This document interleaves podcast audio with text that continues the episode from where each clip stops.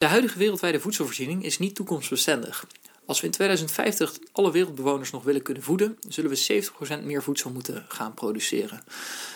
Interessante wereldproblematiek, maar het is ook een interessant thema om in te beleggen. En daarover ga ik vandaag in gesprek met Emiel Broesterhuizen en eh, Jacques Horvest. Emiel, om mee te beginnen, waarom is dit een interessant thema om in te, beleggen? Ja, het uh, thema duurzame voedselvoorziening die speelt in op verschillende megatrends. En megatrends dat zijn lange termijn ontwikkelingen die uh, volgens ons alles bepalend gaan zijn voor de langere termijn. Ja, en uh, jullie hebben verschillende megatrends gesignaleerd. Zou je eens aan kunnen geven welke megatrends dat allereerst zijn en ook hoe die duurzame voedselvoorziening daaronder valt? Ja, er zijn uh, drie megatrends: socio-demografische veranderingen, technologische vernieuwing en de transitie naar een duurzame samenleving. Nou, er zijn dus uh, drie lange termijn ontwikkelingen, zoals ik al eerder zei, die bepalend gaan zijn voor de economische ontwikkeling en de wereld gaan veranderen. En het zijn daarmee uh, lange termijnkrachten die structurele verschuivingen in de maatschappij veroorzaken. En daarmee bepalend gaan zijn voor uh, beleid van de overheid en uh, van, onder, van ondernemingen met een strategieën bijvoorbeeld. En soms zie je dan ook dat die megatrends elkaar kunnen overlappen. En dan krijg, daarmee creëer je sweet spots waar je met een beleggingsthema wilt zitten. En nou, zo valt het thema duurzame voedselvoorziening binnen het snijvlak van de twee megatrends technologische vernieuwing en de transitie naar een duurzame samenleving.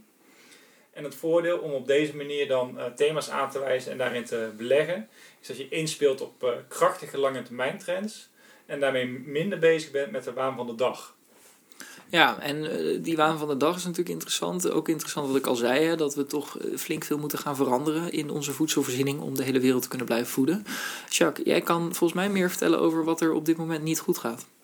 Ja, de huidige voedselvoorziening is uh, simpelweg niet uh, toekomstbestendig. We zien dat een aantal factoren, de planeet, de mens en de boer, ja, die houden gewoon te weinig rekening met elkaar. De planeet wordt uitgebuit door de mens, door zijn eh, continue vraag naar meer. Maar ook mensen onderling, die hebben toch ja, een verschil van voedselvoorziening. De ene wordt ondervoed en de andere is overvoed, zeg maar.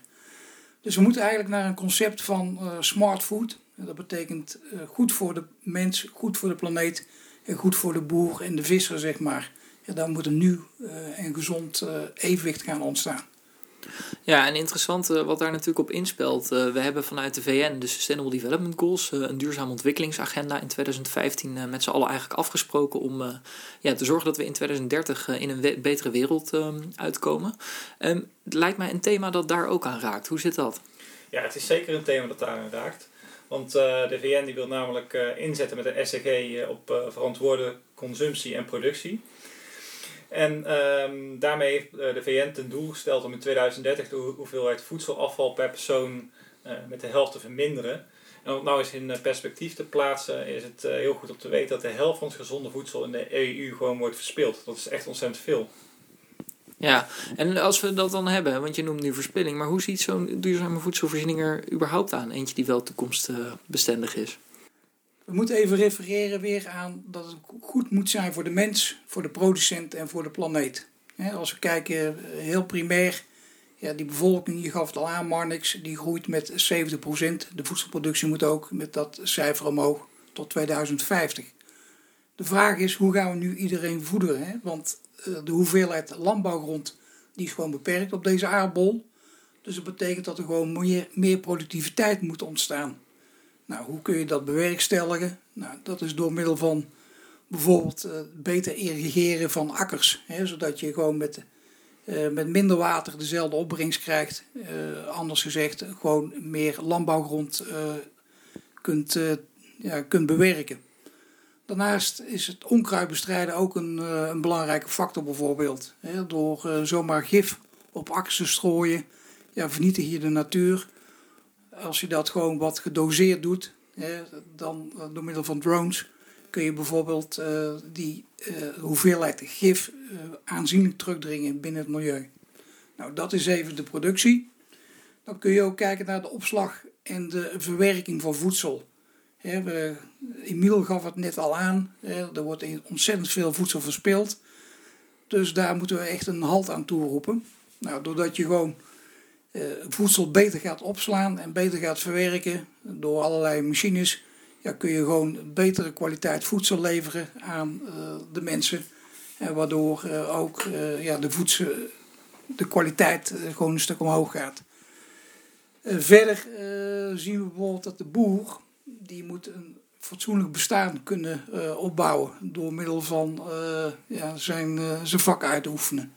Dat betekent dus dat hij uh, een fatsoenlijke prijs moet krijgen voor hetgene wat hij uh, verbouwt op uh, zijn akker.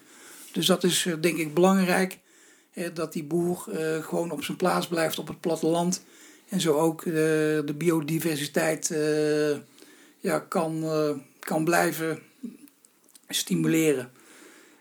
als laatste wil ik nog even aanstippen dat ja, we goed moeten zorgen voor de planeet en voor de dieren. bijvoorbeeld bio-industrie dat werkt eh, behoorlijk wat ziektes in de hand. We hebben een hoop uh, medicijnen nodig om die beesten gezond te houden. denk daar bijvoorbeeld eh, aan het gebruik van antibiotica. dat heel veel plaatsvindt in de bio-industrie. wat wel betekent dat mensen daarvoor resistent worden tegen die antibiotica. Dus dat is geen, geen goede ontwikkeling.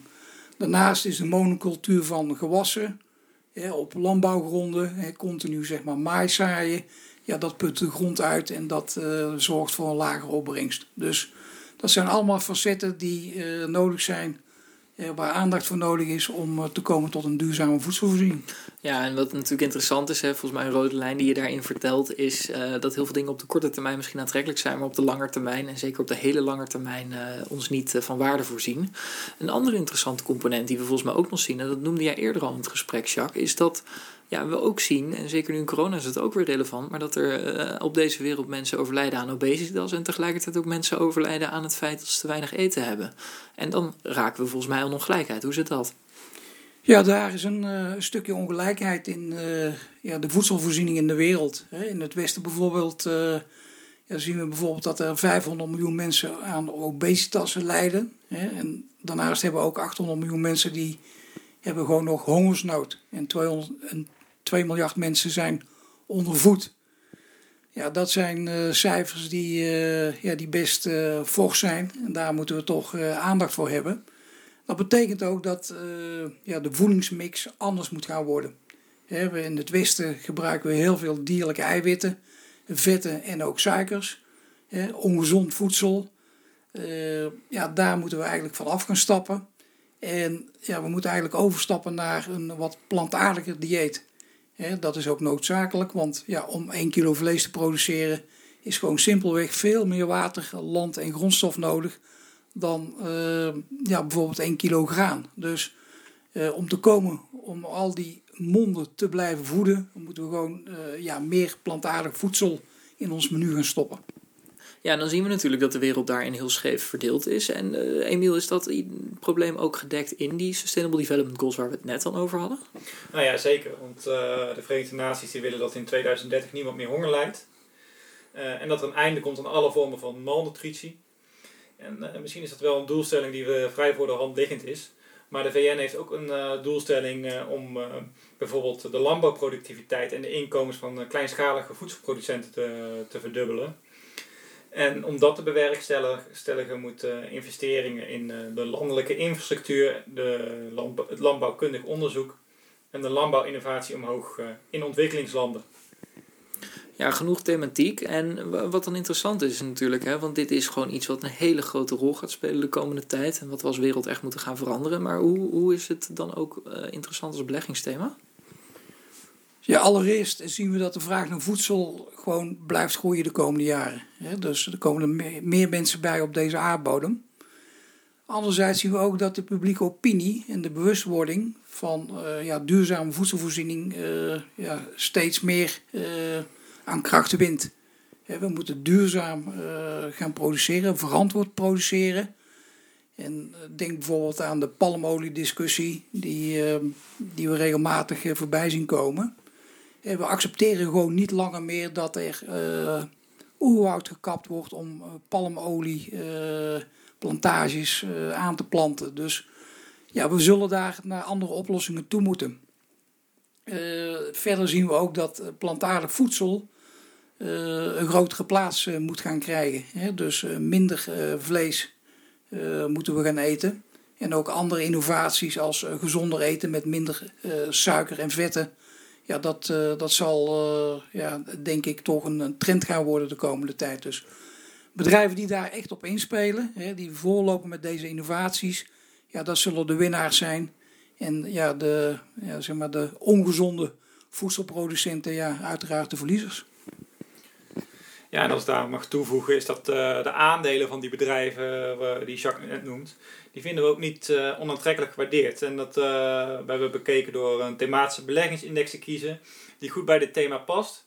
En vervolgens te kijken hoeveel beleggers voor aandelen uit deze index betalen in verhouding tot de brede wereldwijde index.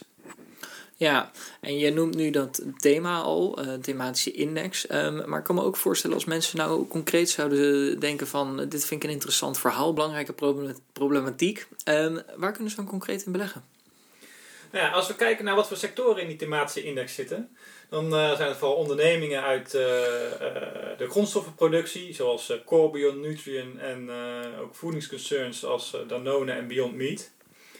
Uh, kijk, Corbion uh, noemde ik net. Dat is een uh, onderneming die bakkersproducten en ook bioplastics van polymelkzuur maakt. Nutrien, dat is een kunstmestfabrikant die ook boeren adviseert om de productiviteit van de landbouw op een duurzame manier te verhogen. En bovendien heeft het aandeel ook nog eens opgenomen in onze volksportefeuille aandelen, wat de, onze volksportefeuille is met favoriete aandelen per sector. Nou, ik noemde ook uh, Danone. Danone zet uh, tegenwoordig alleen nog in op uh, gezonde voeding. En ontwikkelt daarbij ook plantaardige zuivelproducten. Nou, Danone zit ook in onze duurzame 13. De duurzame 13 is een, een, lijst van aandelen met ondernemingen die kunnen profiteren van duurzame trends. Dus ook weer een manier om thematisch te kunnen beleggen. En tot slot nog Beyond Meat. Uh, die kennen jullie misschien wel van de vegaburgers, waar bijvoorbeeld veel minder water en energie voor nodig is bij de productie.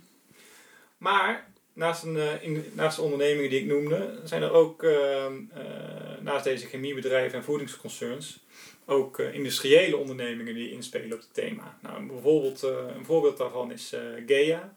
Dit is een Duitse producent die machines maakt voor de voedselverwerkende industrie en bijvoorbeeld ook van de, van de zuivelindustrie.